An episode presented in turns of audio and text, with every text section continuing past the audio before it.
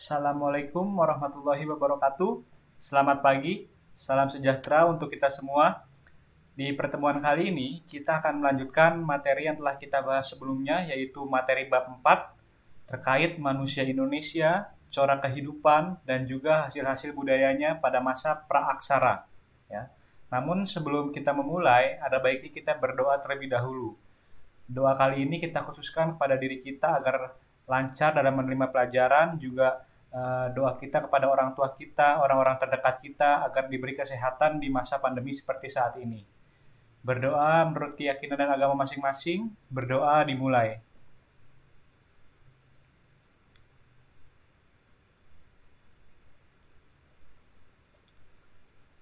Ya, selesai.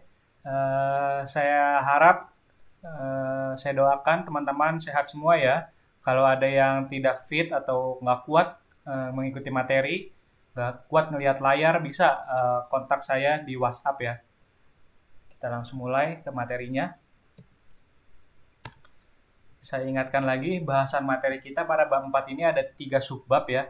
Di minggu kemarin kita sudah membahas subbab pertama yaitu manusia dalam lintasan sejarah evolusi kita membahas uh, teori evolusi, persebaran manusia purba dan sebagainya.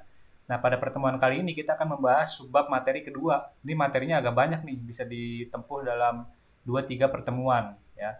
Materi subbab kedua yaitu corak kehidupan dan hasil-hasil budaya manusia masa praaksara ya. Jadi kita akan melihat corak kehidupan manusia kehidupan manusia purba uh, pada masa sebelum ada tulisan masa praaksara dan juga hasil-hasil budayanya apa saja yang dihasilkan oleh manusia pada masa praaksara. Lanjut. Nah, corak kehidupan dan hasil-hasil budaya manusia pada masa praaksara itu dibagi menjadi tiga ya. Kita klasifikasikan menjadi tiga, yaitu masa berburu dan mengumpulkan makanan, ya, lalu masa bercocok tanam, dan juga masa perundagian Masa perundagian itu adalah masa logam. Manusia sudah mampu membuat yang namanya besi atau logam. Ya. Nah, pada masa berburu dan mengumpulkan makanan ini juga terbagi menjadi dua tahap.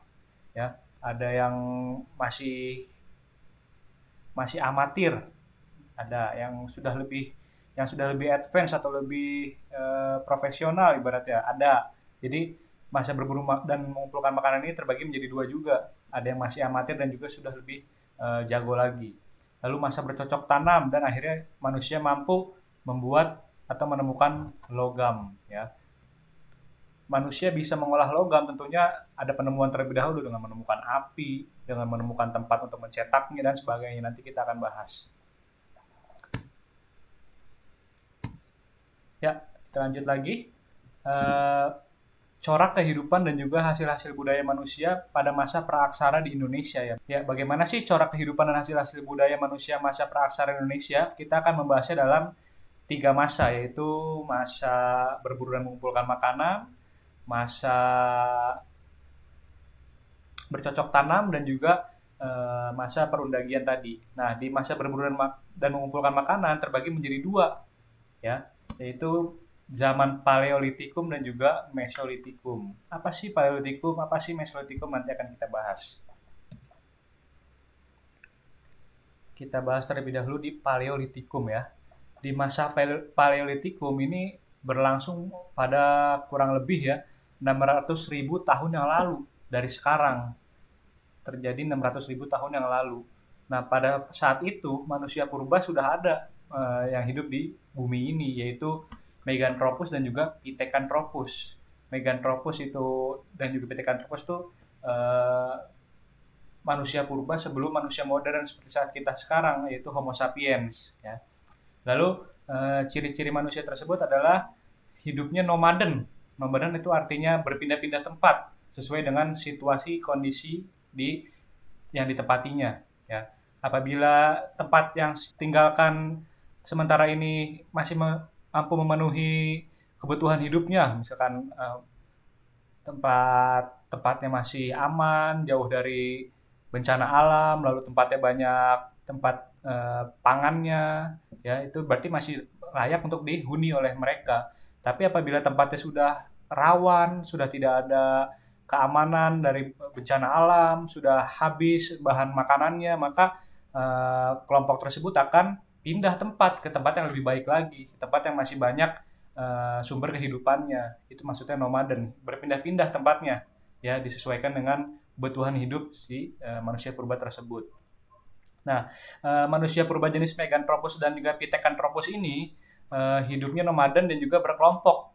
Jumlahnya 10 sampai 15 orang, ya. Dia berkelompok 10 sampai 15 orang dan telah mengenal konsep primus inter pares. Ya, primus inter pares ini berasal dari bahasa Yunani uh, kalau diterjemahkan ke dalam bahasa Indonesia itu kurang lebihnya dia sudah memiliki seorang pemimpin ya seorang kepala suku kalau zaman dahulu ya, jadi saat itu uh, sudah mengenal yang namanya konsep primus inter pares yaitu kepemimpinan jadi sampai sekarang nih kita uh, setiap kelompok pasti ada pemimpinnya ya contoh terkecilnya adalah kelas ada ketua kelas lalu sekolah guru-guru dipimpin oleh kepala sekolah lalu negara rakyatnya dipimpin oleh presiden. Nah itu sudah uh, ada asal usulnya dari zaman manusia purba yang dinamakan dengan konsep primus inter pares.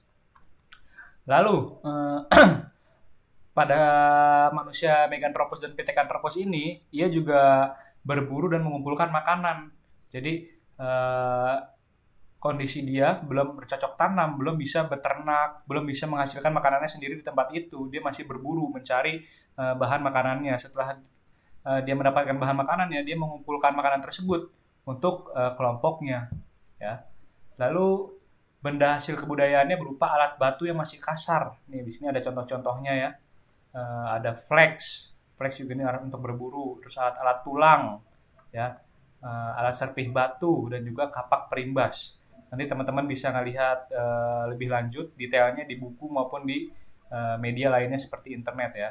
Apa kegunaannya, tapi ini rata-rata kegunaannya adalah untuk berburu karena e, bentuknya tajam-tajam. Lalu juga pada saat ini alat-alatnya masih e, amatir.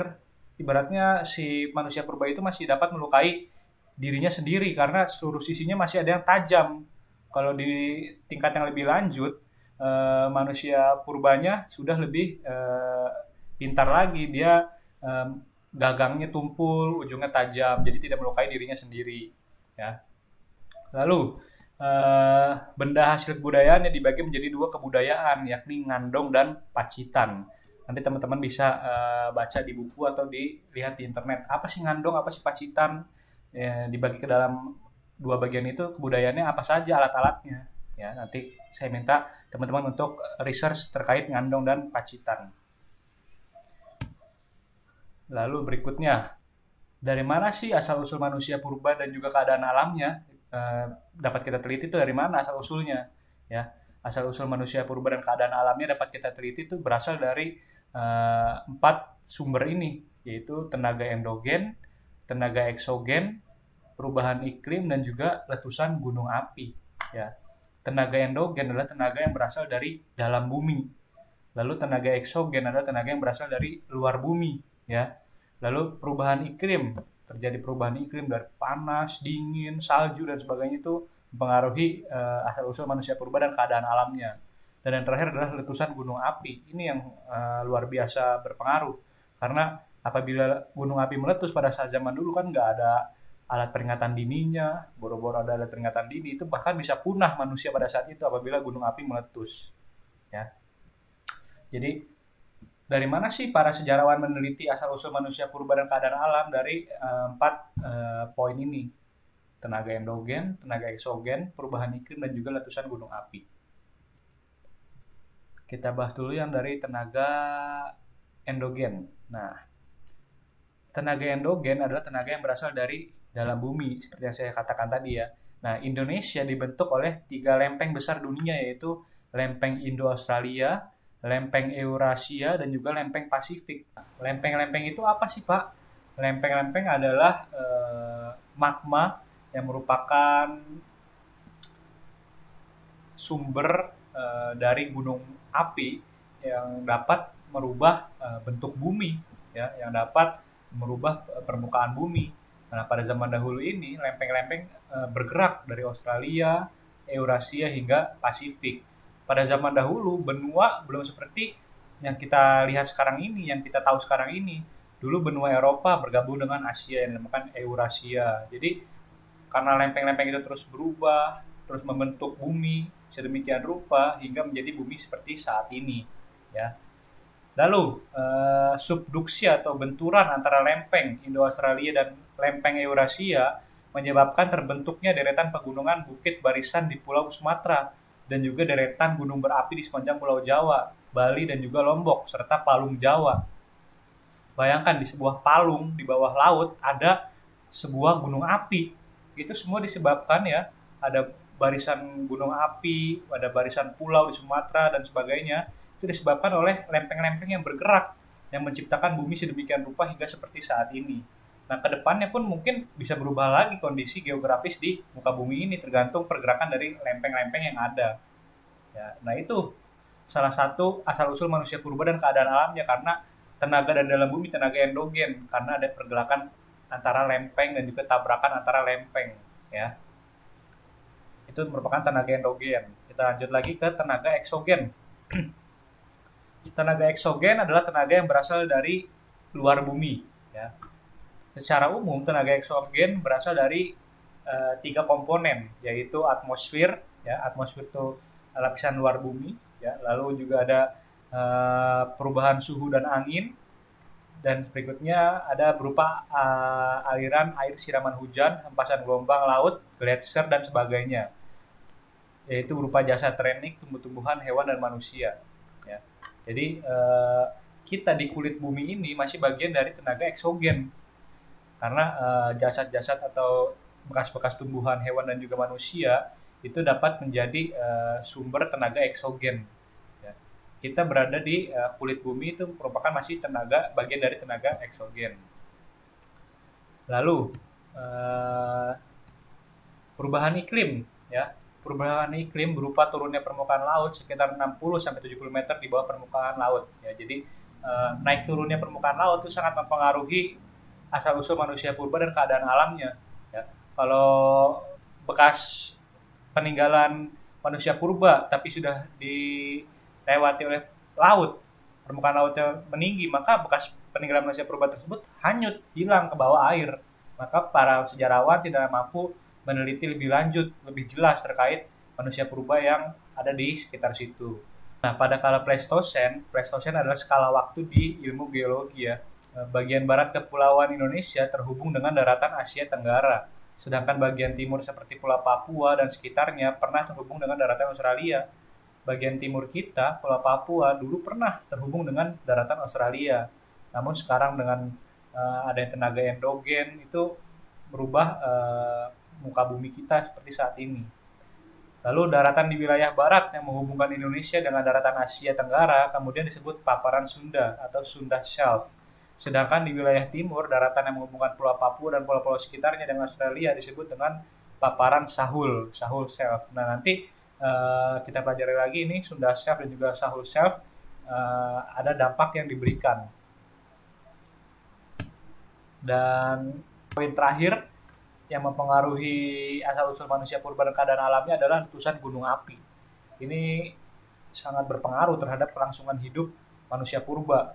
Mengapa? Karena pada saat itu letusan gunung api itu luar biasa eksplosifnya, luar biasa mematikannya, ya.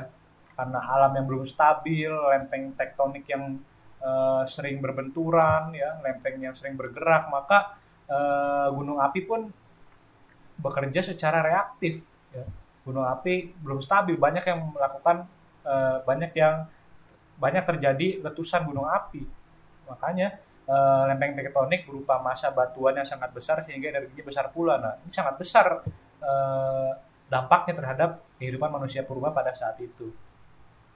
Lempeng-lempeng yang terus bergerak ini pada suatu saat akan mengalami gesekan atau benturan yang cukup keras. Nah uh, lempeng yang bergerak itu yang lempeng-lempeng tersebut kan berasal dari magma ya, api yang menjadi sumber dari gunung api. Nah, dia bergerak dan mengalami gesekan, akhirnya terjadilah benturan yang cukup keras hingga menghasilkan letusan gunung api.